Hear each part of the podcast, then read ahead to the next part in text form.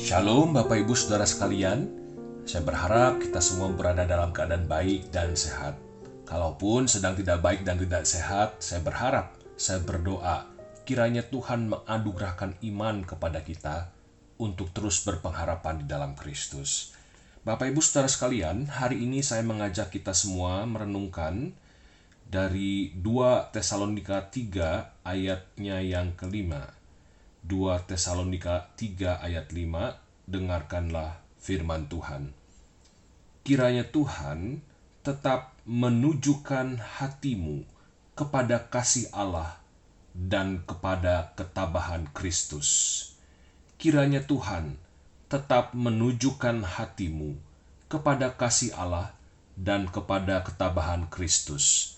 Yang berbahagia ialah mereka yang mendengarkan firman Allah dan memeliharanya Haleluya.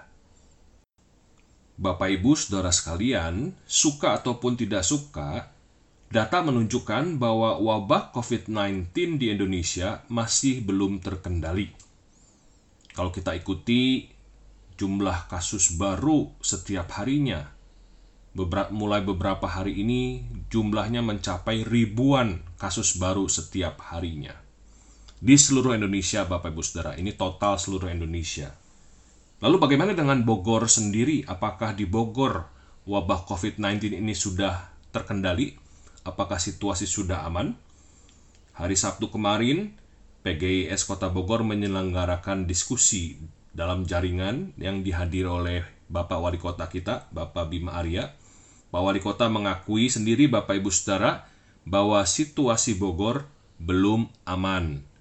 Memang data ini menunjukkan penularan ini cenderung melandai Bapak Ibu Saudara. Tetapi seminggu terakhir ada kasus baru yang terjadi penyebarannya bahkan di rumah sakit. Ini di kota Bogor ya Bapak Ibu Saudara. Dan situasi kota Bogor pun belum aman. Ini kata Pak Wali Kota. Karena kita berdekatan lokasinya dengan Kabupaten Bogor yang kasus baru masih banyak. Dan juga DKI Jakarta yang belakangan ini pun banyak kasus baru. Dan kalau kita lihat Bapak Ibu Saudara, perilaku warga Bogor pun banyak yang menunjukkan seolah wabah ini sudah berakhir Bapak Ibu Saudara. Banyak yang udah nggak pakai masker, banyak yang sudah tidak jaga jarak, banyak yang sudah sudah pergi ke sana dan ke sini. Kemarin pun kita lihat berita Cisarua macet Bapak Ibu Saudara sekalian.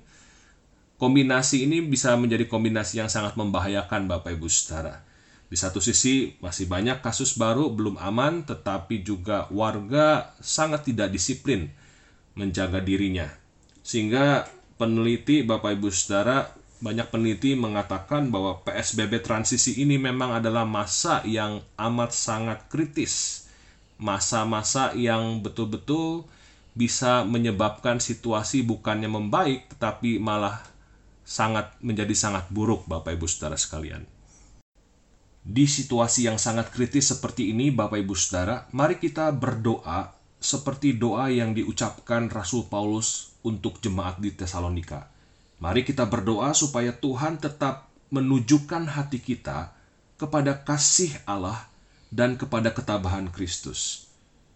Di dalam situasi seperti yang kita hadapi sekarang, Bapak Ibu Saudara, mudah sekali hati kita tertuju pada masalah di hadapan kita, Bapak Ibu Saudara Ketika ini terjadi, apa akibatnya? Ketika kita fokus pada segala kesulitan yang kita hadapi, Bapak Ibu Saudara, maka sangat mudah kita menjadi hopeless, kehilangan pengharapan. Tapi sebaliknya Bapak Ibu Saudara, ketika hati kita tertuju kepada kasih Allah kepada kita, maka kita akan hopeful, penuh dengan pengharapan.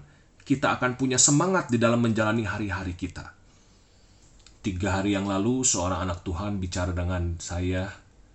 Dia mengupdate kondisinya yang pernah dia ceritakan kepada saya sebelumnya. Anak Tuhan ini mengalami satu masalah yang sangat berat dalam hidupnya. Dia sedang menghadapi kasus hukum yang sampai detik ini belum selesai. Dia pun sudah kehilangan semuanya. Dia sudah bangkrut. Dia sudah nggak punya rumah, sudah nggak punya apa-apa lagi dan dia mengatakan kemarin kepada saya waktu kami bicara dia katakan Pak, Pak sekarang saya hidup dari belas kasihan orang Karena sebelumnya dia numpang di rumah saudaranya dan saat ini waktu kami bicara dia numpang di rumah saudaranya yang lain, sudah pindah dari rumah saudaranya yang sebelumnya. Sehingga dia mengatakan, sekarang saya hidup dari belas kasihan orang, Pak. Dia mengatakan itu dengan hati yang hancur, karena sebelumnya dia orang yang berada, Bapak Ibu Saudara. Dia berada, dia sangat bercukup-cukupan, bahkan berkelebihan, tetapi saat ini bukan hanya sedang menghadapi kasus hukum, dia pun mesti hanya bisa numpang di rumah orang lain.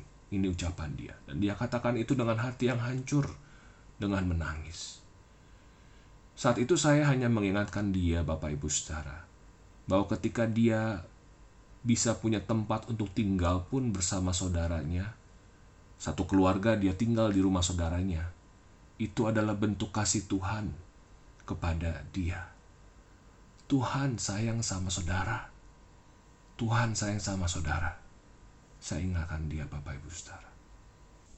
Di dalam situasi yang sangat sulit yang sedang kita hadapi saat ini, bukan hanya kondisi pandemi yang belum berakhir, tapi mungkin juga pergumulan keluarga, keretakan pernikahan, masalah dengan anak, masalah di pekerjaan, dan berbagai macam pergumulan hidup kita lainnya.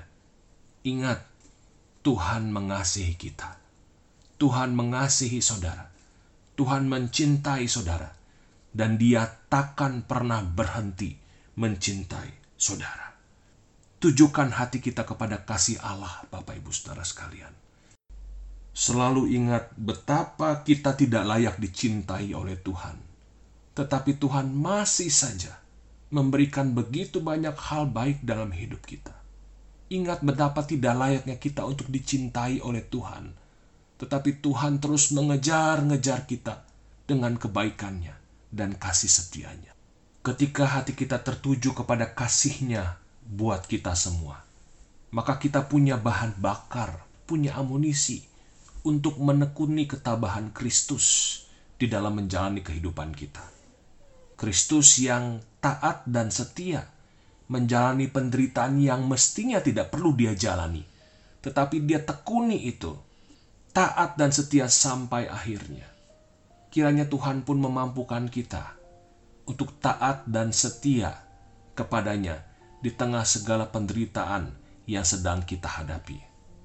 Mari kita memulai hari ini dengan saling mendoakan satu sama lain.